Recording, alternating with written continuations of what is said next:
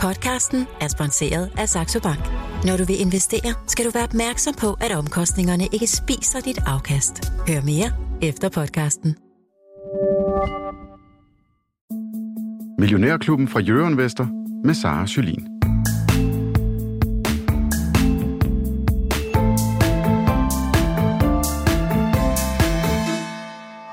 Tirsdag morgen og velkommen til en ny, frisk udgave af Millionærklubben, hvor vi i dag skal snakke om, hvilke ting, der faktisk skal komme til at overraske positivt i 2023. Nu lægger vi lige alle elendighederne bag os og prøver at fokusere på noget godt.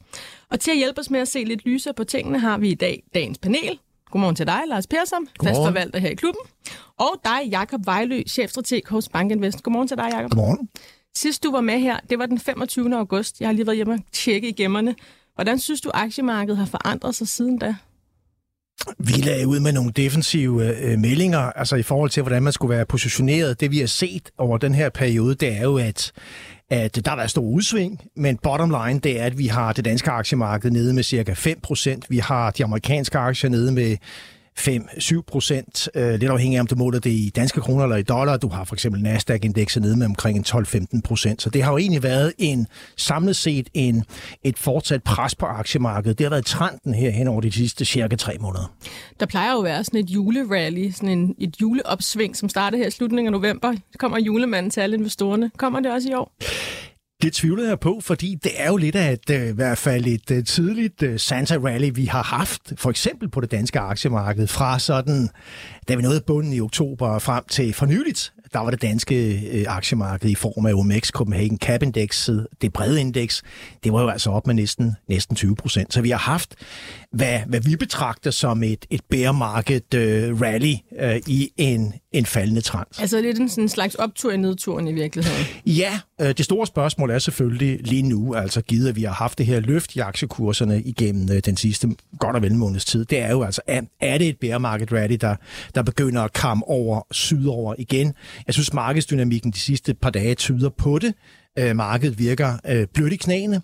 Øh, eller er vi i virkeligheden ved at finde en bund øh, ind i sådan et, et nyt opsving på, øh, på aktiemarkedet? Jeg tror, det er for tidligt at, at hejse det grønne flag for aktiemarkedet. Men heldigvis har du også taget nogle måske positive nyheder med til os, men det vender vi tilbage til lidt senere i udsendelsen. Det er dig, der har øh, gjort mig opmærksom på, at der måske er tre positive overraskelser for 2023. Lidt senere, der ringer vi også til Per Hansen, investeringsøkonom hos Nordnet. Han skal snakke om den nyhed, vi fik i går, hvor at øh, Teva meldte ud, at Kåre Schultz, han jo forlader den her israelske kopimedicinvirksomhed lidt før det egentlig var planlagt.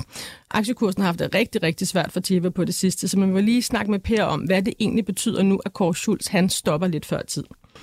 Hvis du sidder derude og har nogle spørgsmål til ja, enten Per Hansen, som vi ringer til senere, Jakob Vejlø her i studiet, eller Lars Persson, så kan du sende dem til mig på telefonnummer 42 42 03 21. Du skal bare huske at starte din sms med MIO. Og med de ord, Lars, så lader vi lige lytterne tænke på nogle gode spørgsmål, og så kan du måske løbe os igennem dagens marked.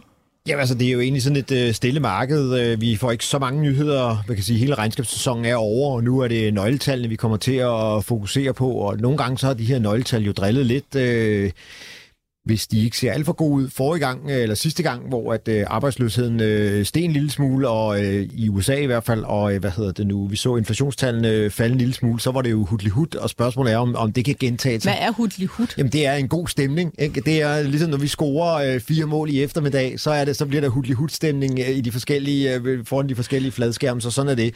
Øhm, og den stemning har vi ikke lige her til morgen. Øh, vi har set nogle øh, nedjusteringer på forskellige øh, selskaber, blandt andet Barrier Nordic, Nordic og Pandora. Øh, Nordic er nede med øh, 6,7 procent her fra morgenstunden af, øh, og det, det er Carnegie, der forventer, at, ja, at det, det meste af det er indregnet og, og sænker så kursmålet og også anbefalingen for køb til hold, og, og så øh, rykkes der lidt rundt i anden dam, og ellers er det, vi er sådan lige omkring øh, nullet for, for Norden og Europa, og øh, vi går vel egentlig og tripper lidt på USA, og det er jo også en stille uge med øh, Black Friday og Thanksgiving, og jeg skal give dig skære, så de er der jo ikke så meget. Øh, de løber nok rundt og, og øh, finder ud af, hvornår, hvordan de skal man stege kalkun i år, og hvad skal være fyldet osv. osv. Så de har nok fokus lidt et andet sted, håber jeg da i hvert fald, øh, og, og laver lidt familiehygge.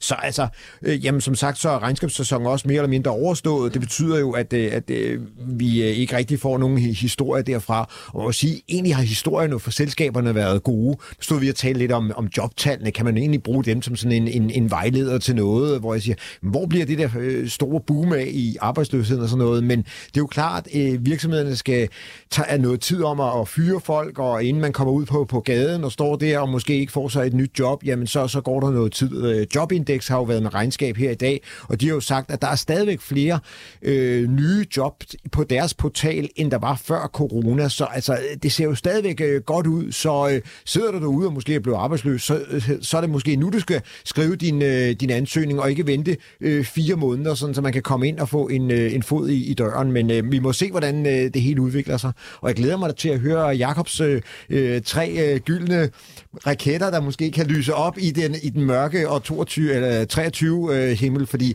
vi er jo sådan lidt pessimister. Jeg skrev også i går på mit indlæg i, øh, her på Jørgen at den ene halvdel, øh, hele, halvdel af analytikerne siger, vi skal ned, vi skal ned, og den anden halvdel siger, ah, vi skal nok op, vi skal nok op. Og så alligevel så trækker de sådan et, et, et, et sådan redningskort og siger, ja, men måske ikke så meget, eller det kan også være, at der lige kommer et bump mere sådan noget. Så, men så længe vi har det her negative sentiment imellem alle, øh, hele analytikerkorpset og alle øh, investorerne, så er det jo spørgsmålet, om vi sådan rigtig tager det store øh, trækker proppen op og får det der sug ud i, i badekarret, eller om det bliver, som vi nu har set jo, sådan nogle, hvor vi kan se, at grenen knækker, men, men, men der er ikke rigtig nogen, der, der ligesom bliver rigtig bange, medmindre at det her krypto, som jo er blevet totalt smadret, får en eller anden effekt ind i det virkelige verden. Altså, fordi det var jo det, vi to talte om, inden vi gik i studiet. Sådan, nu er det der kryptomarked altså godt nok fået nogle øretæver.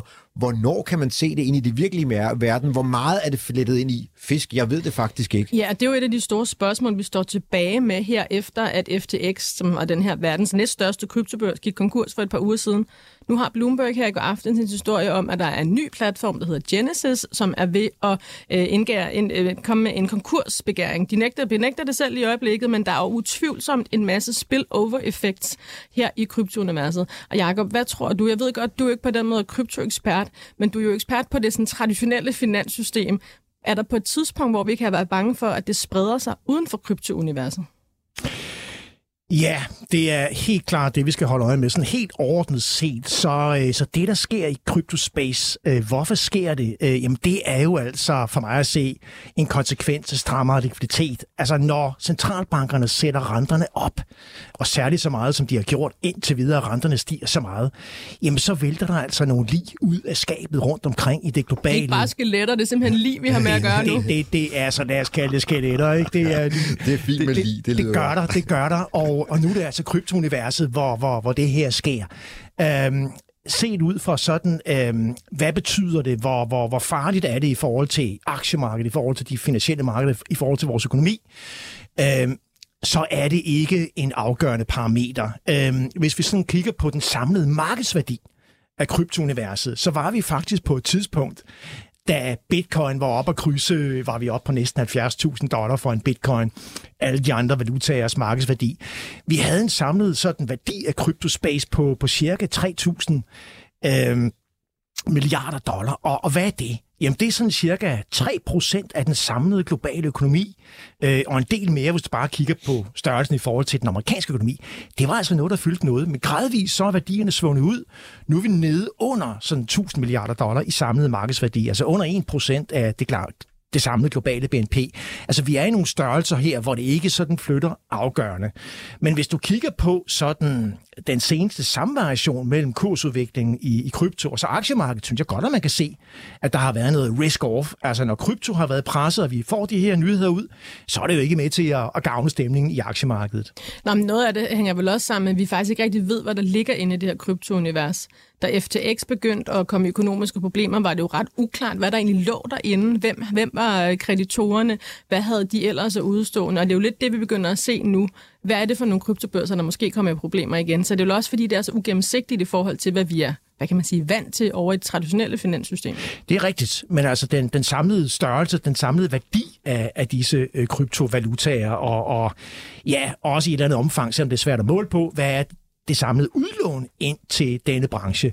Altså for mig at se, så er det ikke en størrelse, hvor vi skal være sådan alvorligt bekymret for, at det er det, der suger os ned øh, i den globale økonomi. Ligesom for eksempel det amerikanske boligmarked og finansieringen det var en faktor tilbage i 2008, finanskrisen, som var i stand til at trække os alle sammen ned. Det er ikke det, vi har i CryptoSpace. Og det er da altid noget. Det Det, var, bare, men det var faktisk ikke en af dine positive ting. Vi vender tilbage til det lidt senere, fordi vi, ja. der er lige lidt mere her på dagens nyhedsoverblik. Vi har lige fået inflationstal for Danmark her til morgen. Øh, det er de her EU-harmoniserede inflationstal, og det viser, at den danske, de danske forbrugerpriser er steget 11,4 procent i oktober. Det er det højeste, vi har haft siden starten af 80'erne. Det er mere, end vi så i september, hvor det var 11,1 procent. Er det noget, der gør dig bekymret, Jacob? Det er det. Altså, det har jo været på øh, helt top of mind på sådan bekymringsradaren igennem øh, mange måneder efterhånden, og det er en, en væsentlig årsag til, at, at vi også i, i, øh, i Bankinvest, i vores multi-asset-porteføljer, er defensivt investeret på nuværende tidspunkt, altså har lavere vægtige aktier end normalt, øh, har mere defensivt orienterede sektorer. Øh, det er bestemt øh, højt op på øh, bekymringsbarometeret, men det er også en af de faktorer, som rent faktisk kan give sig i positiv retning ind i 2023. Og vi er jo faktisk begyndt at se på de amerikanske inflationstal, at vi måske har toppet. Her i oktober fik vi jo nogle tal, som viste, at den kom noget mere ned, end man havde regnet med. Men det virker som om i Europa, der er inflationen ikke ved at knække endnu. Nej, altså som altid, så har USA en tendens til at gå foran øh, på en række sådan økonomiske parametre. Det er verdens største økonomi, det er verdens vigtigste centralbank, det er verdens vigtigste forbruger. Så der er nogle tendenser i USA øh, på mange områder, øh, i særdeleshed økonomisk, som, øh, som feeder ind over Europa på et lidt senere tidspunkt. Men altså, jeg tror, vi kommer til at se de samme fænomener i, i Europa. En gradvis mere afdæmpet prisudvikling ind i 2023. Ja, det er i hvert fald lidt godt. Øh, Men noget, der måske også sådan kilder lidt på aktiemarkedet i øjeblikket, det er jo Kina. For et par uger siden var der rygter om, at de måske ville droppe deres øh, zero tolerance politik over for corona. Men nu ser vi altså, at antallet af coronasmittede det stiger rigtig hurtigt, og de er begyndt at komme nedlukninger igen. Hvad betyder det for verdensøkonomien, Jakob, og for det internationale aktiemarked? Jamen altså, Kinas øh, vej gennem coronaen, det, er, øh, det må være super frustrerende for, for Kina selv. Rigtig mange kinesiske borgere, og selvfølgelig har det nogle negative konsekvenser for, for økonomien også. Øh, når det er sagt under overfladen, så tror jeg altså, man begynder at, at lette på tilgangen til, hvordan man håndterer disse øh, coronasmittede. Øh, den sådan kinesiske top øh, lederskab er udmærket bevidst om, at, at vi kan ikke køre med sådan de nedlukninger igen, som vi så tilbage i andet kvartal øh, i år, hvor vi startede med Shanghai, der var fuldstændig lukket ned, og hvor 400 millioner kinesere på et tidspunkt stort set ikke kunne bevæge sig ud af døren, ud af en befolkning på 1,4 milliarder. Vi så det kostede på økonomien. Øh, der er en, en marginal drejning på vej i øh, sådan tolerancen over for coronaen, samtidig med, at du får tilført øh, flere vacciner øh, og, og den type medicamenter, som kan af, afhjælpe. Så det er måske også derfor, at aktiemarkedet ikke er faldet totalt ud af sengen her de sidste par dage, når vi nu netop er begyndt at se flere coronasmittede i Kina. Præcis. Øh, coronapolitik er, er i, i fokus. Øh, en marginal sådan øh, større tolerance. Vi ser også på andre sådan politiske områder i Kina, at myndighederne skruer op for stimulansen ind mod økonomien. Så i går, der var lidt sådan en, en, en sjov ting på oliemarkedet. Skifter vi lige derover et kort øjeblik. Der kom rygter ud om, at øh, OPEC de ville begynde at øge produktionen med, en, øh, med 500.000 øh, tønder ekstra om dagen. Det er faktisk ret meget for dem, og især fordi OPEC i lang tid har sagt, at vi kommer ikke til at øge produktionen, selvom vi selvfølgelig øh, har lidt lavere udbud derude. Det fik olieprisen til at dykke rigtig meget. Den amerikanske oliekontrakt crude oil, den faldt ned til 75 dollar per tønde. Det er noget af det laveste, vi har set i virkelig mange måneder. Lynhurtigt kom Saudi-Arabien ud og sagde, nej, nej, nej, det er slet ikke rigtigt. Vi, vi, vi skal slet ikke øge produktionen. Vi fortsætter på det her niveau, hvor vi er. Og nu er olien tilbage, hvor den i virkeligheden var før det her rygte. Hvad er det, der sker derude? Hvem starter sådan en rygte? Øh, og kan du overhovedet øh, have noget øh, sådan hold i virkeligheden? Er OPEC måske ved til at øge produktionen? Altså, man skal jo ikke glemme, at Mellemøsten, Saudi-Arabien har været under et væsentligt pres fra USA for at få øh, i gang sat noget mere produktion. Øh, det var jo i særdeleshed i perioden op til, til midtvejs valget i USA, hvor det var afgørende betydning for, for Biden og, og company at sikre, at, øh, at gaspriserne ved The Pump altså kom, kom ned øh, til gavn for den brede amerikanske be- befolkning. Så der har været, der har også været øh, altså lejlighedsvise frigivelser af, eller i hvert fald en masse snak om øh, frigivelse af disse strategiske oliereserver, som man har. Så der ligger et politisk pres på, på Mellemøsten, øh, Saudi-Arabien fra vestens side.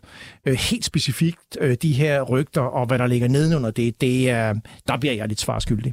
Det tror jeg, der er mange, der er. Det er derfor, jeg prøver at smide det over til jer eksperter. Øhm, lige her, den sidste del af vores øh, nyhedsupdate her til morgen, der er kommet en masse nye kursmål ud fra nogle af de store finanshuse. Lars, du nævnte lige Bavarian Nordic, som jo har fået barberet en ordentlig lund, så kursmålet for Carnegie ned til 269 kroner, hvor før var det 433 kroner. Mm. Pandora har fået sænket anbefalingen til hold fra køb hos HSBC, den her britiske storbank. De holder godt nok fast i kursmålet på 540 kroner. Så over hos Rockwool, der har Carnegie også været i gang. De har skåret kursmålet til 2.250 kroner fra 2.550 kroner. De, gen, de gentager anbefalingen køb. Det var bare lige en kort roundup på mm. de aktier. Det er tirsdag morgen her i Millionærklubben, hvor jeg har Lars Persson i studiet og Jakob Vejlø, chefstrateg i Banken Vest. Og Jakob, som jeg lige teasede for i indledningen, så skal vi faktisk i dag snakke om nogle gode ting. Nogle af de ting, der måske kommer til at gå godt, i stedet for hele tiden at fokusere på alle de her elendigheder, der er ude i verden. Du har tre ting, der måske kan overraske positivt i 2023. Hvad er det for nogle? Ja, altså det, det er jo... Jeg, jeg vil gerne lige starte med indflyvning. Altså her til morgen har vi fået tal for det danske sådan, dansk forbrugertillid. Igen, super lave tal, altså næsten historisk lave. Og Danmark er jo et lille land i en stor verden. Men det er repræsentativt for den stemning, der er rundt omkring. Forbrugernes sådan, øh, humør er presset i bund. Erhvervslivets øh, barometer er presset øh, langt ned. Vi har øh, pres på boligpriserne. Økonomernes prognoser for USA stort set 0% til næste år, 0% i Danmark. Tyskland tilbagegang på 0,7 procent. Vi har set klart faldende aktiekurser i år, faldende obligationskurser. Altså, vi står i den her sådan, øh, pessimisme, øh, skråstreg, øh, depression. Og det er bestemt ikke fordi, at, at vi er, som jeg nævnte før, altså vi er jo ikke gået i offensiven på aktiemarkedet nu. Men jeg synes, i denne sådan, meget sådan, det meget sorte humør, vi har her rundt omkring, så er det også vigtigt at pege på, altså ikke what could go wrong, men what could go right i 2023. Og der er tre ting, som, øh, som jeg i hvert fald holder øje med, øh, og det er, det er nemlig et, Kina, som vi har talt om. Jeg tror, at, at Kina kan blive en positiv vækstoverraskelse til næste år. To, det er inflationen. Altså langt de fleste prognoser, de peger ned på inflationen. Det er vi stort set alle sammen enige om. Men det er jo hastigheden, hvormed inflationen falder, der vil være afgørende i 23 for centralbankernes pengepolitik, for renterne osv. Der tror jeg faktisk, at kimen ligger i hvert fald til, at vi kan blive overrasket over, hvor hurtigt inflationen falder i, i 23. Og, og tre, Øh, det er måske mere håb, det er måske mere spekulation, men det er selvfølgelig krigen i Ukraine, hvor vi kan håbe på, at øh, vi får en form for, hvis ikke en egentlig fredsaftale, så i hvert fald en, en våbenhvile. Altså ifølge øh, den amerikanske topgeneral, så har både Rusland og Ukraine nu mistet omkring, altså enten er der 100.000 soldater, der er døde eller meget hårdt såret på hver side. Dertil kommer de civile, øh, de materielle omkostninger. På et tidspunkt kan prisen for den her krig simpelthen blive for høj og tvinge parterne øh, til forhandlingsbordet, også presset af det øvrige verdenssamfund. Og nu nævner du de her tre ting, altså våbenhvile i Ukraine, bedre end forventet vækst i Kina, og så lavere inflation. Og ja. hvor, hvor sandsynligt vurderer du så, at de her tre ting kommer til at ske? Det er vanskeligt at sætte sandsynligheder på. Jeg vil gerne sige, at det er jo ikke vores base case. Det er derfor, jeg tager fat i, hvad kan overraske positivt. Det er ikke vores hovedforventning. Men det er sådan, det, overraske er virkelig kerneordet her. Det er overraske det, er jo et kerneord, men også hvor der ligger et, et, altså, en sandsynlighed, der har en vis, en vis øh, fylde og en vis vægt. Øh, hvis vi tager fat i, øh, lad os starte med Kinas økonomi, så tror jeg, det er, det er ret sandsynligt, at Kina kommer til at overraske markedet positivt. Kina er jo, apropos inflation, Kina er jo i den øh, position, at inflationen er meget, meget lavere i, øh, i Kina, end det vi ser i den vestlige verden. Og det betyder, at kineserne kan føre en meget mere proaktiv penge, kreditpolitik. Vi kan se, hvordan der bliver skruet op for kreditterne i Kina. Kreditvækst er på vej op. Og vi kan i særdeleshed se, at finanspolitikken kører fuld turbo. Hvis man ser på det kinesiske budgetunderskud lige nu, så er det all-time high. Og i den vestlige verden, jævnfører eksemplet fra Storbritannien, hvor man jo forsøgte som en lempelig finanspolitik, men ja, det, det kørte helt godt. over. Det seneste er, at vi nu har marginalskatteforhøjelser i, i Storbritannien. Øh, altså, kineserne kører en ekspansiv finanspolitik kombineret med en ekspansiv pengepolitik, og arbejder med deres coronapolitik, har lige udrullet en 16-punkts plan for at forbedre situationen inden for ejendomsmarkedet. Så Kina har simpelthen kimen til at, ganske sandsynligt til at overraske positivt økonomisk i, i 23. Og da Kina efterhånden fylder vel 80 procent af amerika- den amerikanske økonomi, og i hvert fald er på størrelse med EU, så er det altså en faktor, vi virkelig skal holde øje med.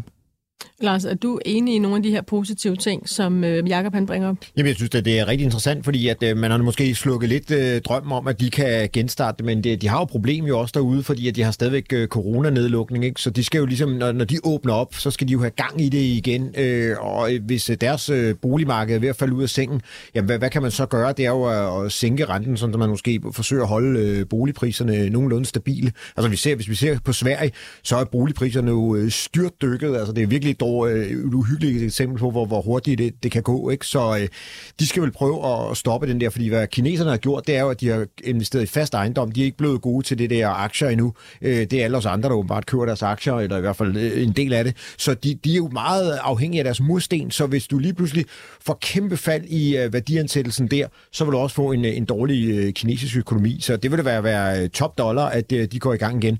Kunne vi så også få dem til at rejse lidt rundt i verden, øh, som vi har set øh, tidligere? De er måske begyndt øh, lidt, jeg kan ikke helt huske, hvordan, øh, jeg synes, jeg har set lidt kineser rundt omkring, men, men kunne vi bare få øh, halvdelen af de kineser tilbage, øh, som vi så som øh, turister, jamen det vil jo også øh, være vand på den europæiske mølle. Altså de kan jo godt lide at komme over og se de her gamle Eiffeltårn og øh, den lille havfru og øh, Colosseum. Så, så det, det skal vi jo øh, tage imod som kysshånd. Vi er jo sådan, undskyld mig udtrykket, Daisyland, altså som øh, Olsenbanden bruger lidt. Altså Europa er blevet sådan lidt, hvor man kan komme og se de gamle kulturskatter, ikke? Så, øh, så det skal vi jo håbe, at de kommer og, og gøre. Men er der ikke også et, et lille sådan, øh, indbygget problem med, hvis vi får meget vækst i Kina? Nu nævner du selv, Jacob, det er en af verdens største økonomier. Hvis vi får meget vækst i Kina, så får vi vel også mere inflation?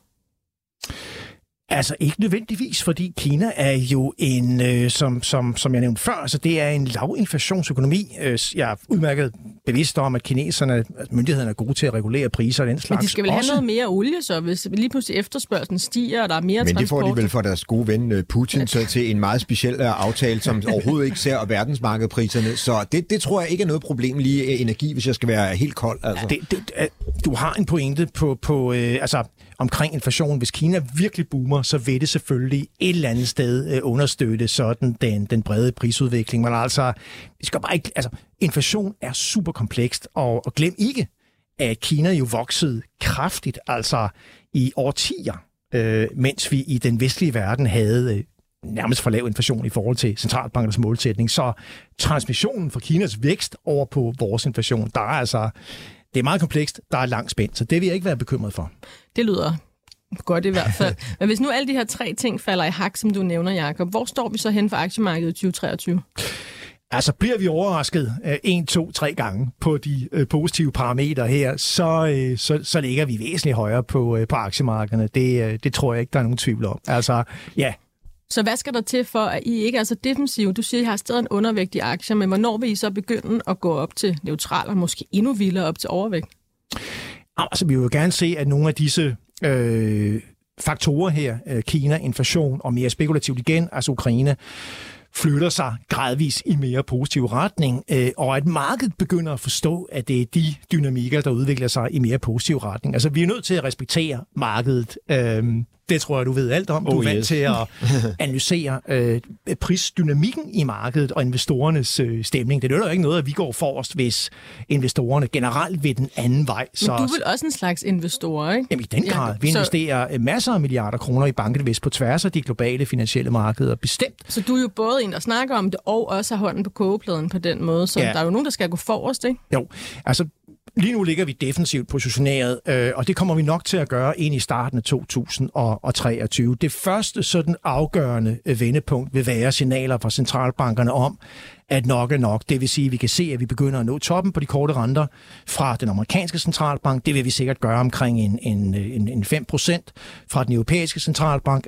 Og, og hvad får dem til at sende de signaler? Det vil så være inflationsudviklingen. Så vi skal have budskaber, mere komfortskabende budskaber fra inflation og dermed fra centralbanker. Det er så den første fase i at rykke i mere offensiv retning. Dernæst skal vi begynde at kunne se disse positive temaer, jeg taler om, materialisere sig i de makroøkonomiske data. Altså lige nu ser vi bare måned for måned faldende aktivitet. De sidste to måneder er altså ordreindgangen til den tyske industri er faldet 6%. Vi skal begynde at kunne se nogle i morgen der får vi en række af de her sådan, PMI-tal for både Europa og for USA, og de er, det, det er sådan vigtige sentimentbarometer for, hvordan det går i vores industrier. Vi skal begynde at have disse nøgletal som minimum stabiliseret, før vi går mere i offensiv.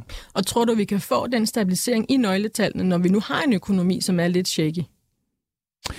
Altså, det får vi ikke de næste tre, måske seks måneder. Der kommer til at gå noget tid, fordi lige nu har vi den modvind, som vi har fra inflationen og fra de, de stigende renter og de høje energipriser. Det, det rammer os nu.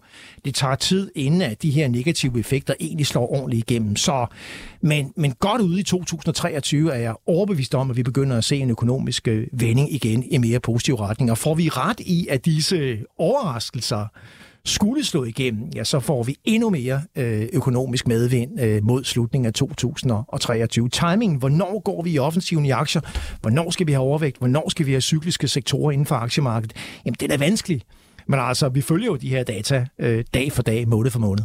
Er det sværere nu for dig at sidde og kigge på det her, end det har været måske for to-tre år siden, netop at vurdere, hvornår skal vi være cykliske, hvornår skal vi gå overvægt igen? Jamen altså, for, for to-tre år siden, altså, jeg vil sige, nu, nu har I, jeg været med i det her marked i, i godt og vel 30 år. Altså, vi har vel aldrig nogensinde stået i en, altså et, et regime, øh, økonomisk, finansielt, øh, geopolitisk, øh, menneskeligt, som er så udfordrende som, som det, vi har nu. Altså, i de sidste par år har vi haft en, en historisk øh, sundhedskrise, coronaen, og nu er vi altså drønet direkte ind i en, en, en forfærdelig krig. Og det er klart, at de her sådan, faktorer er med til at, at gøre sådan er med til at skabe en scenarieusikkerhed, som er, som er større end, end, end nogensinde før. Det er også derfor, jeg taler om eventuelt positive overraskelser. Så vi kan ikke være sikre på, at Kina inflation og slet ikke Ukraine kommer til at overraske positivt i 23. Men betyder det, når du siger, at altså, det er så meget mere usikkert, end du har oplevet før, at man i virkeligheden bare kan smide alle de gamle økonomiske modeller ud af vinduet? Nej, jeg synes, der er jo nogle, nogle ting, som fungerer øh, øh, smukt. Altså, smukt i gåseøjne. Altså, Inflation stiger. Hvorfor stiger inflationen? Jamen, det er altså i høj grad, fordi vi har haft øh, en, en, en, en det var i høj grad forårsaget af dels øh, coronakrisen og, og dels en, en, en krig. Begge dele har ramt udbuddet. Begge dele har ramt øh, øh efterspørgselen på forskellig vis. Det er at presse priserne op. Det følger faktisk øh, teoribøgerne. Centralbankerne har, har reageret fuldstændig som de skal. Øh, så, så der er, og økonomierne begynder nu at lide. Der er et lag fra, at renterne stiger til at økonomien begynder at, at skrænte. Så jeg synes egentlig, at mønstret øh, følger sådan ordnet set øh, noget, der giver god øh, ræson i forhold til sådan en økonomisk teori. For et par uger siden, der havde Bodil Johanne Gansel, den anden vært her i Millionærklubben, Jeppe Christiansen med herinde. Han er direktør i My Invest, som mange af jer dernede også kender. Han sagde, at nu var det et godt tidspunkt at købe aktier på, netop fordi vi måske begynder at få lidt gode nyheder. Men, men du er altså ikke enig i det, Jakob? Jamen altså, jeg vil gerne understrege, at vi har jo aktier med i, i, i porteføljen. Altså, jeg kan jo godt lide at tænke på en samlet asset allocation. Selvfølgelig skal vi have aktier med, selvfølgelig skal vi have obligationer med, og som jeg har påpeget før her også, begynd at kigge på obligationsmarkedet. Altså vi har jo, det er det sidespring, vi har jo altså danske realkreditobligationer, der giver en rente på ja, en, mellem 4 og 5 procent, lidt afhængig af, hvorfor en obligation man, man køber. Du har investment grade euro, der giver 4 procent, du har euro high yield, der giver 8 procent. Altså, have aktier med, men have bestemt også obligationer med øh, og andre typer af, af aktiv klasse.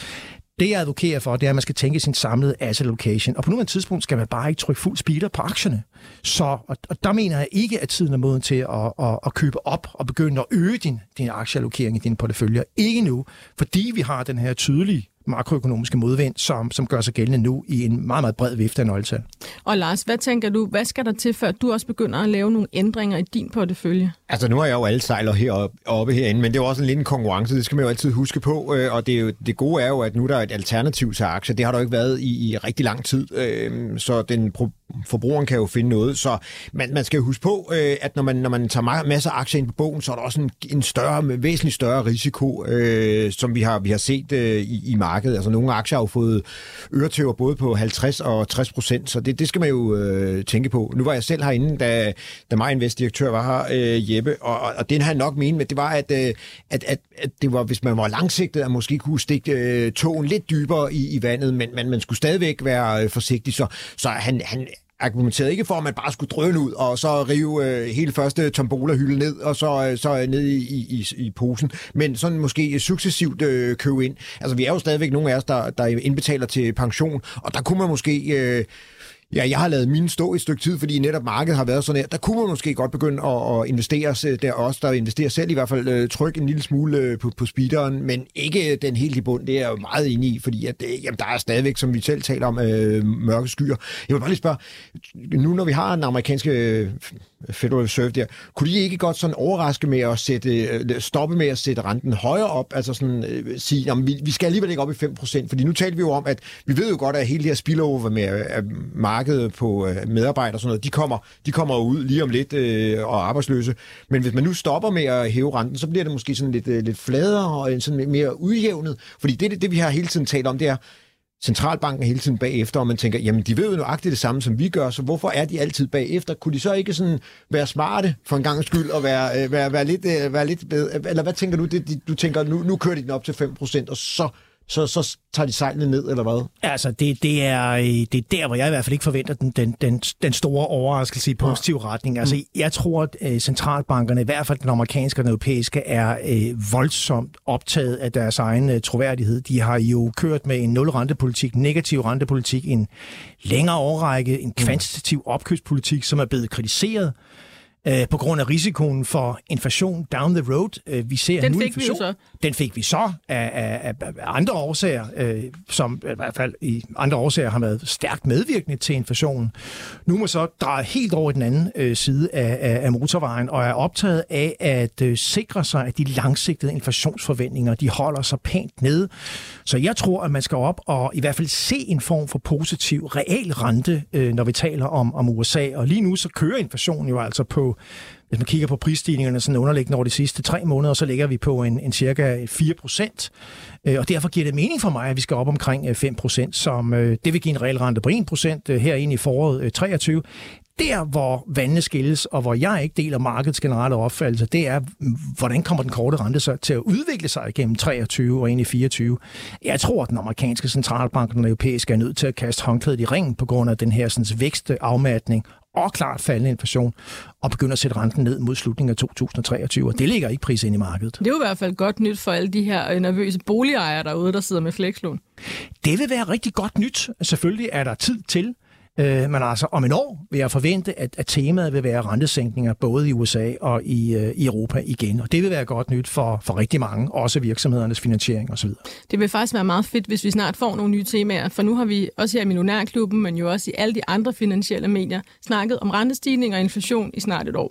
Vi mangler nok nu noget, lidt noget nyt at tale om, gør vi ikke det? Nej, det gør vi. Altså, vi har jo Grækenlandskrisen, der stod på i... Det, det, det, det, det tager noget tid. Altså, det er ikke som at sejle en jolle. Det her det er jo en supertanker, du er i gang med. Det er verdensøkonomien, du er ved at dreje rundt, øh, så, så du kan ikke bare sådan negligere renten og, øh, og udviklingen der øh, sådan på kort basis. Nej, det... det er rigtigt nok. Jeg synes bare et år, ikke? Nu, ja. nu kan vi godt lige bruge sådan et, øh, noget, et, et nyt tema på en eller anden måde. Men øh, Jacob ja, har jo taget det, Kina det, med. Jacob ja, har taget Kina med, ja. og tre positive overraskelser. Det det, ja.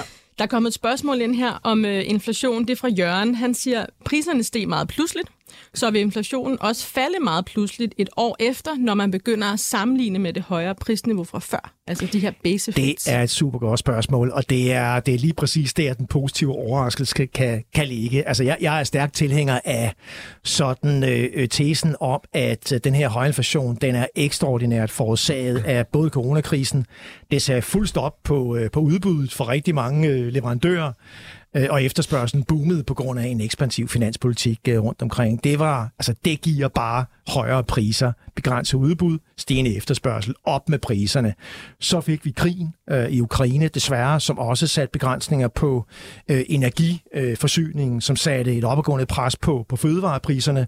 Og det er jo ekstraordinære forhold, der virkelig har drevet inflationen op. Så og dermed, altså i takt med, at effekterne de, øh, de udvandes og, og, og, og, ja, i det hele taget øh, udspiller sig øh, i mindre grad, så kan inflationen også overraske på, på nedsiden. Og altså, de fleste regner med, for eksempel amerikansk inflation, altså de fleste regner med, at, at inflationen er nede omkring sådan en, en, en 3% penge i slutningen af, af 2023. Det er stadig højere end det, som er centralbankens mål på cirka 2 procent. Altså, jeg begynder at se seriøse prognoser på, at vi godt kan være sådan nede på mellem 1 og 2 procent. Det vil være en klart positiv overraskelse. Altså nede mellem 1 procent, så er vi jo under centralbankens mål, ikke?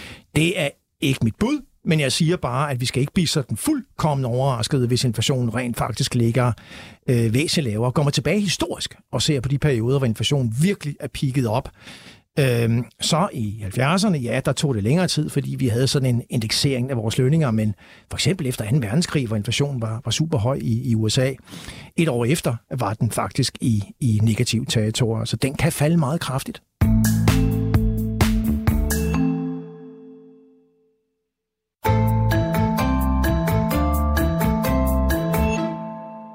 Nu har vi Per Hansen fra Nordnet med på telefonen til en snak om Korschulz og Teva. Godmorgen til dig, Per. Godmorgen. Og tak fordi, at du ville være med. Det er hyggeligt. I, uh, I går eftermiddag, der fik vi jo at vide, at Kåre Schultz han allerede stopper i Teva her ved udgangen af 2022, og ikke først i november næste år, som vi troede. Hvad er årsagen til, at han stopper før tid? Jamen, jeg tror, at øh, Ultimo 2023 var sat som den ultimative og sidste deadline for, at Teva de kunne finde øh, erstatningen og efterfølgeren til Kåre Schultz. Jeg lyttede med på tredje kvartals conference call øh, for nogle uger siden, da Teva de aflagde regnskab, og jeg synes klart, at man der kunne øh, fornemme, at Kåre Schultz energiniveau, det var lidt faldende. Så jeg synes ikke, at det er nogen overraskelse. Kåre Schultz har jo længe annonceret, at 2023 ultimativt blev det sidste. Jeg tror, det har været opslidende. Jeg tror, udfordringer har været meget større, og jeg tror, at det er tiden nu, at Teva finder en ny topdirektør, som for alvor kan forløse det, som investorerne har ventet alt for længe på, nemlig et, en underskreven opioidaftale, sådan så man kan komme videre, og så det, som det handler om, at få genskabt væksten. Ja, og øh, Kåre Schultz, han blev ansat faktisk til at rydde op i Teva. Har han lykkedes med det? Ja, han kom, og han så, men han sejrede altså faktisk ikke. Og grunden til det, det er, at udfordringen eller udfordringerne viste sig at være helt formidable og flere, end man egentlig havde regnet med. Så det var ikke kun patentudløb på sklerosemiddel Copaxon. Det var også eftervirkninger efter det fuldstændig katastrofale køb, som man lavede i 2016, så vidt jeg husker, som man aldrig fik integreret. Man fik aldrig tilpasset det, og så købte man. Man brugte 40 milliarder dollars, så vidt jeg husker, hvad hovedparten blev betalt i kontanter og blev opleve den gæld, som Teva stadigvæk slæber rundt med, som en sten om foden, jamen der købte man på det tidspunkt, hvor prisen på generiske produkter formentlig har været højest inden for de sidste 20 år, og dermed har skabt en øh, indtjeningsevne på det tidspunkt, som man ikke kommer til at gense igen de næste mange år. Så udfordringen var altså større, end han lige havde regnet med, men der var også lavet nogle dumme beslutninger undervejs?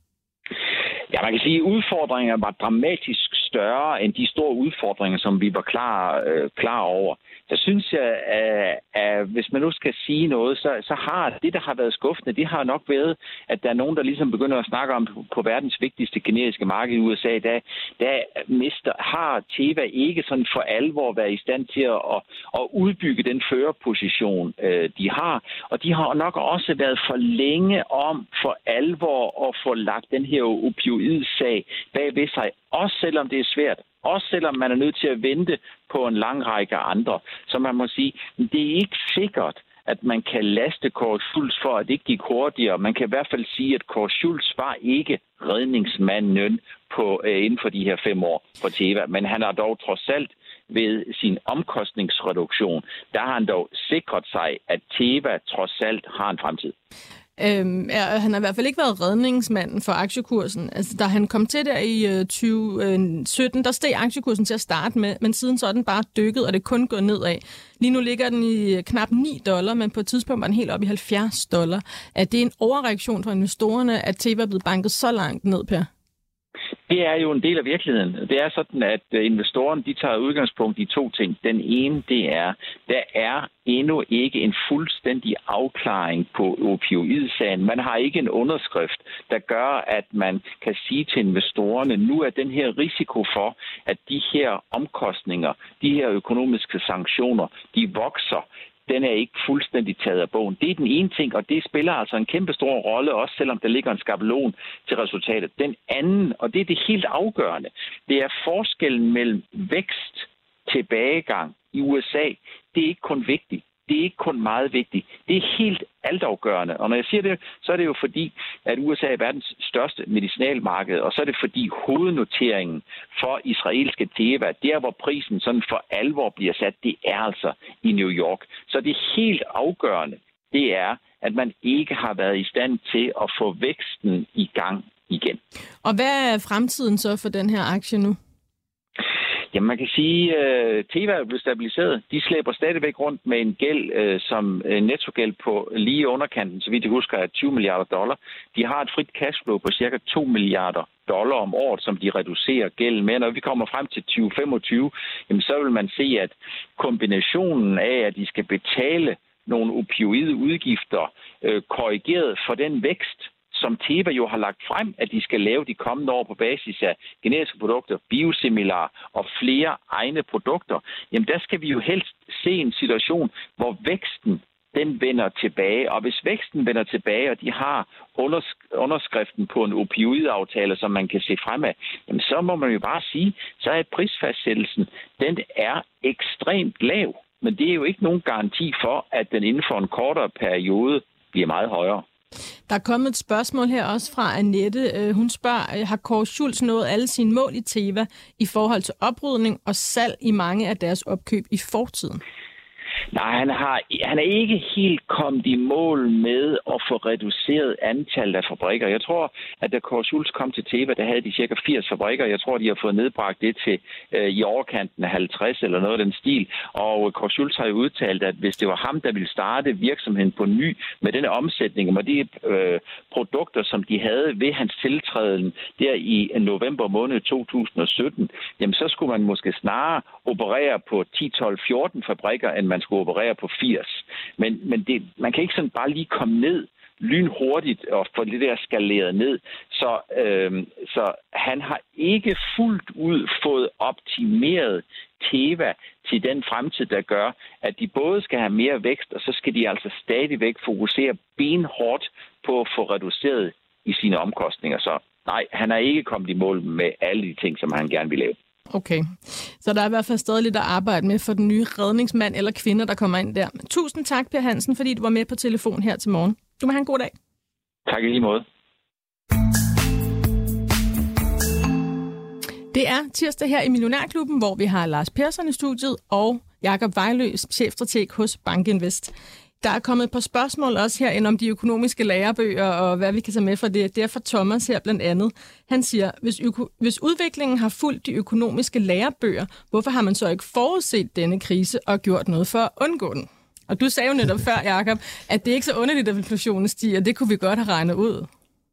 Altså, jeg synes virkelig, det der er et godt spørgsmål, og, øh, og det er, altså nu har jeg selv haft fornøjelsen af at studere økonomi, øh, sådan teoretisk for en del år tilbage, og øh, øh, jeg tænker ofte, når, når jeg kører hen over Storebæltsbroen, at øh, hold da op, altså tænk gang, at de her ingeniører og, og mennesker kunne, kunne bygge den, øh, og være så øh, forudseende og konstruere det her præcist. Øh, økonomisk teori har så meget psykologi i sig i virkeligheden. Altså hele den økonomiske udvikling har så meget psykologi i sig. Det handler i den grad om, hvordan vi, vi mennesker, vi, øh, vi har det. Er vi optimister? Er vi pessimister? Øh, og man har ikke sådan selvom der er en masse udvikling engang, gang, så har man ikke sådan rigtig evnet at integrere hele denne psykologiske dimension i de økonomiske lærebøger. Og derfor har vi ikke et særligt sådan præcist styringsværktøj i form af de økonomiske teorier, når vi skal prognostisere fremtiden. Det er sådan det korte mellemlange svar. Et rigtigt økonomsvar, men kunne man have gjort noget for at undgå det? Fordi det er ikke, øh, vi skal ikke mere end tilbage til august sidste år, altså august 2021, hvor den amerikanske centralbankchef Jerome Powell jo nu meget berømt siger, inflation er ikke noget problem, det er under kontrol, og det er bare midlertidigt. Um, kunne vi have gjort noget for at, at undgå det? Altså, um, jeg misunder ikke centralbankfolkene, der, der sidder og skal netop forsøge at, at forudsige udviklingen og så tilrettelægge rentepolitikken. Ja, jeg synes faktisk, at, at centralbankerne er kommet, de er kommet sent til toget her. Uh, de er gået meget i offensiven. Jeg kan være bekymret for, at vi får en form for altså policy mistake i virkeligheden, en overreaktion mod øh, højere renter end det, der er nødvendigt, nu hvor man har kørt med lavere renter end det, der måske var nødvendigt i en lang overrække. Ja, jamen, altså man kan også bare sige, at der kom jo sådan et stop ved, at uh, der kom en krig i Ukraine, der gjorde også, at uh, fødevarepriserne steg. Derudover er det måske lidt svært at styre alle de der uh, mennesker, der havde fået rigtig mange penge under corona, hvor vi skulle ud og bruge det. Så vi, vi rev lidt ned af hylderne og var måske lidt ligeglade med prisen, og det har så også været med til det. Og så selvfølgelig også, nu ved jeg godt, jeg, jeg taler altid arbejdsmarked, selvom det er en lagging indicator, men, men, men vi, vi, de skulle måske have lagt mærke til, at der var ikke særlig meget arbejdsudbud. Det var en af de ting, hvor jeg tænker, at de kunne i god tid have tænkt, think hmm, det er sådan noget, og det kan jo øh, starte en lønspiral. Det er det jo så dårligt nok noget. Det er jo ikke det, der har været problemet, vel? Så der, der har været mange faktorer, synes jeg, der har gjort det, som også lige pludselig er væltet ind over. Og det er jo rigtig nok, hvad Jacob siger. Et er at læse en bog og sige, sådan her skal man gøre. Men et er at gøre det for ude i den virkelige verden, fordi hvordan er det, vi øh, reagerer også forbrugere? Vi gør ikke altid det, vi bliver bedt om. Altså, lad os bare tage øh, pressemøde med fru Frederiksen om, at vi skulle ikke gå ud og hamstre toiletpapir. Altså, hun havde dog nok sagt toiletpapir, så stod alle Jensen og Persson og Hanser ned i uh, Netto for at købe toiletpapir, og der var jo nok af det. Så ja, det, er jo, det er jo det, der er udfordringen. Vi gør jo ikke, hvad der bliver sagt, og det er jo nok, øh, fordi vi er lidt øh, Rasmus modsat en gang imellem. Ja, eller bare mennesker, ikke? Det Økonomer det. har det jo med at tro, at alle mennesker er rationelle agenter, og det er ikke rigtigt, Jacob, og det viser sig, at det er vi faktisk slet ikke. Jo, det øh, står på side 1, at vi er meget, meget rationelle, og øh, jeg vil bare sige, at man, man kan jo definere rationalitet på rigtig, rigtig mange måder, ikke? Men bare lige tilbage til, til, til det, som øh, Lars også talte om. Altså, det er klart, at myndighederne kunne ikke forudsige altså, den, den sundhedskrise, som vi trådte ind i. Øh, myndighederne kunne ikke forudsige, det, det, det kunne vi jo heller ikke, øh, alle os andre individer, altså den krig, der lige pludselig materialiserede sig, øh, da vi sådan stod, i hvert fald nogle måneder før. Og konsekvenserne heraf har været, ja, meget, meget vanskelige at forudsige. Men kan vi gøre noget nu for at undgå, at vi kommer til en endnu sværere økonomisk situation? Det, der er udfordringen, det er jo, at i hvert fald, øh, når du siger vi, så er den økonomiske politik, øh, pengepolitikken, er jo altså delvist øh, låst. Øh, altså, hvor meget kan vi gøre på pengekreditpolitikken? Altså, vi er jo nødt til at lade centralbankerne operere under deres øh, mandat. Altså deres vigtigste mandat, øh, det er jo at skabe en form for prisstabilitet. Altså det er vigtigt for os, at vi kommer ned på sådan en 2, 3, max sådan 3-3,5 procent inflation over tid. Øh, ellers får vi for, for, for store forstyrrelser. Så altså, pengepolitikken er jo delvist låst. Finanspolitikken er, er delvist øh, låst. Øh, Storbritannien var eksemplet på det, i hvert fald i de lande her, inklusiv os, der har høj inflation på nuværende tidspunkt. Så når du taler om vi, altså fra, fra myndighedernes side, så, øh, så er der nok nogle begrænsninger. Selvfølgelig kan man tale om strukturreformer og den slags ting og sager, ikke? Men det er jo klart, at på virksomhederne, på alle arbejdspladserne, er der jo masser af potentiale, og noget af det, jeg er meget optaget af, det er produktivitet. Altså, jeg tror vidderligt, at vi er i gang med at se øh, sådan en acceleration i vores evne til at og sådan udvinde det, man kalder for produktivitetsgevinster. Vi gør arbejdet bedre og bedre. Teknologien er på vej ind over os. Den bliver implementeret. Så i sådan den store dele af det rigtige arbejdsmarked kan vi gøre meget. Der er kommet et par spørgsmål også til dig, Lars, om mm. nogle af de aktier, som du er glad for. Det er Bent, der siger her, LK, skal den sælges nu, eller er bunden nået? Kursen har tabt 25 procent de sidste 6 måneder. Jeg har købt til kurs 70, og har derfor stadig overskud. Hvad er dit syn på den aktie lige i øjeblikket? Jamen, det er en faldende trend, så altså, spørgsmålet er selvfølgelig, om man skal tage tabet og, og løbe sin vej. Altså, jeg har jo sagt, at jeg er forelsket i aktien, så jeg bliver og ser, at jeg har et større tab end, end, end Ben, som så har en gevinst. Men det er selvfølgelig smertens barn at se, og det har jo også været med til, at jeg her i, i november måned ikke har lavet øh, noget positivt afkast på trods af markedet, som øh, Jakob var inde på USD. Øh, jeg har både haft Bambu, øh, ALK, og øh, hvem var det mere, jeg havde med, som øh, også drillede lidt. Nå, det er også lige meget. Så, så jeg står sådan lidt og, og øver lidt, men det er jo sådan nogle gange, når man kombinerer, når man broderer sit eget aktietæppe. Altså, jeg, jeg sælger ikke. Øh, jeg tænker, at øh, markedet har overreageret. Der var en... Øh, en lageropbygning og en rabat i, i Tyskland, og til gengæld så går deres øh, oversøiske markeder rigtig godt, og bliver spændende at se, hvordan USA kan øh, rulle afsted. Så jeg tænker, at man kommer lidt tilbage i øh, Europa, men det er jo det fundamentale. Rent teknisk, der siger den salg, så spørgsmålet er, øh, skal man øh, gå efter det? Og jeg vælger, og øh, så hopper jeg over i fundamentalbussen og, øh, og, og kører der. Så, så sådan det. Fordi du er så forelsket? Yes, det er det. Der er også et spørgsmål om fluecell fra Sverige. Det er øh, en Møldrup her, Michael Hansen, Michael, undskyld, ja, han spørger, øh, han siger, at den er droppet, den er faldet over 90 procent med fluecell, så hvad mener du om den nu? Kender den ikke lige, men øh, ja, der er jo lytterspørgsmål på fredag, så hvis øh, vi må lave en cliffhanger, så, øh, så tager jeg den med til på fredag, hvor vi kan lige diskutere den. Vi gemmer den til på fredag. Jeg markerer den her, og så Yes. kan du tage den med der. Yep. Øh, der er også en lytter, der spørger her, netop hvad med C25? Du nævnte tidligere, Jakob, det var steget cirka 20 procent her i oktober-november. Hvor skal det hen nu? Altså, for mig at se, følger det danske aktiemarked, det amerikanske aktiemarked øh, ret tæt. Øh, ja, det er sådan set, det, det viser databilledet. Altså i år, der er vi nede en, en 16-17 procent på, på, på, på, på begge markeder. Øh, der er en tæt øh, samvariation der. Så udgangspunktet for det danske aktiemarked, det vil være udviklingen på i særdeleshed S&P 500, og der er, som nævnte, vi defensivt øh, positioneret her nu. Øh, vi er vi er lidt undervægtede aktier. Altså, jeg tror ikke, at vi skal øh, langt ned, men, men altså røde tal øh, de næste sådan øh, tre måneder er, er det, som vi, øh, vi, for, vi forventer som, som, som udgangspunkt, inden vi når en form for bund ind i, øh, i starten, i løbet af i hvert fald første halvår 2023. Ja, og altså røde tal, det er i hvert fald også det, vi har i dag. Det er sådan lidt blandet ude i Europa. Det meste er grønt, men til 25, det halter altså bagefter. Ja, altså til 25 sammen med Sverige er nede, ikke? og det sjove er jo egentlig, at øh, over øh, vestpå, øh, Spanien og Portugal der ligger sådan lidt i et sweet spot, fordi at de ikke rigtig bliver sådan rigtig ramt af, de har måske heller ikke så meget energimangel, og øh, måske kan de sådan ride stormen en lille smule af, men øh, ja, og så er det tyske indeks kun lige øh, rundt nullet, så, så det er sådan en, en lidt blandet morgen. Amerikanske futures ligger en lille smule nede, så det er jo egentlig det, vi, øh, vi holder øje med, og øh, er lidt påvirket af. Det, det, det lukkede jo også lidt blandet i går, hvor man så næsten dag endte i øh, et øh, plus. Nasdaq øh, omkring minus 1, og S&P øh, lige imellem, fordi det var sådan en sandwichen ind imellem. Ikke? Så, øh, så ja, det, det, det der udfordring, det er, at man kan sige, det, den gamle lidt sådan noget, men, men øh, produ- produktionsvirksomhederne kører, kører lidt op, ikke? Øh, og nogle øh, medicinalvirksomheder har det godt, Novo Genmab i Danmark i hvert fald har det godt, og øh, jamen, så er der selvfølgelig hele shipping og hele den der øh, fraktion derovre.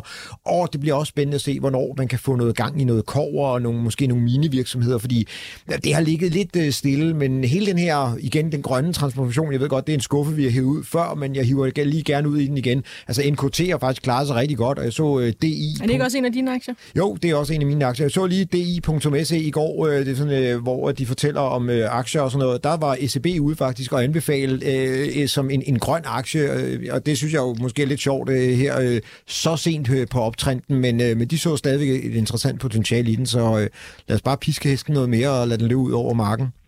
Og hvad, hvad, hvad siger du, Jacob? Noget, noget af det, som er, er, synes jeg, er udfordringen for aktiemarkedet, det gælder selvfølgelig også det danske, det er helt generelt, øh, og i særdeleshed på det amerikanske brede indeks, som jeg nævnte før, det spiller en stor rolle for det danske aktiemarked, det er, at vi, altså, vi ser simpelthen på sådan et top-down plan, at analytikerne, de nedjusterer deres indtjeningsestimater hele tiden. Mm. Kigger du på indtjeningsforventningerne for øh, det kommende år, 2023, så næsten dag for dag ser vi bare, at der bliver skåret af over en bred kamp. Lige nu er vi nede en 4-5 procent i forhold til, da optimismen blomstrede for sådan øh, nogle måneder tilbage. Vi er nede 4-5 procent på indtjeningsestimaterne, og det kapitel er bare ikke slut. Vi skal formodentlig længere ned på de her indtjeningsestimater. Vi skal, vi skal finde bund der. Altså, vi skal se, at analytikerne over en bred kamp på tværs af sektorerne øh, begynder sådan at, at nå bunden på deres øh, øh faldende indtjeningsestimater. Og der skal vi altså ind i i, i, i hvert fald start af 23, før det gør sig gældende. Og vi skal hen over øh, fjerde kvartals regnskabssæsonen.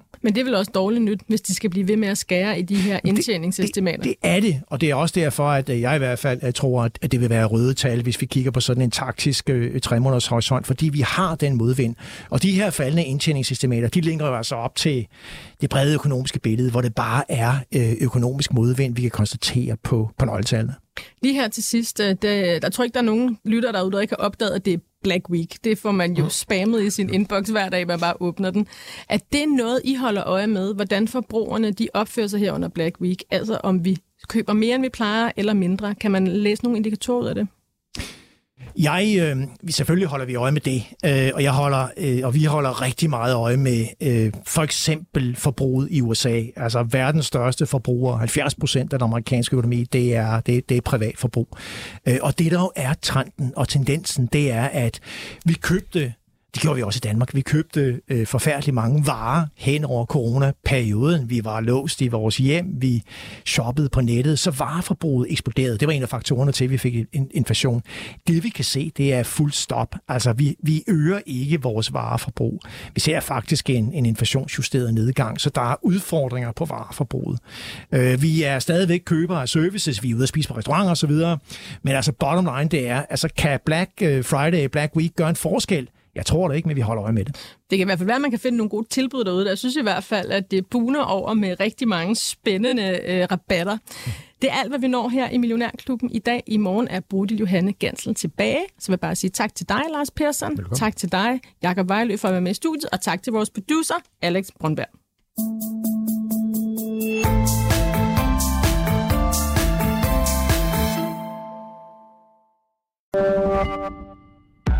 Podcasten er sponsoreret af Saxo Bank.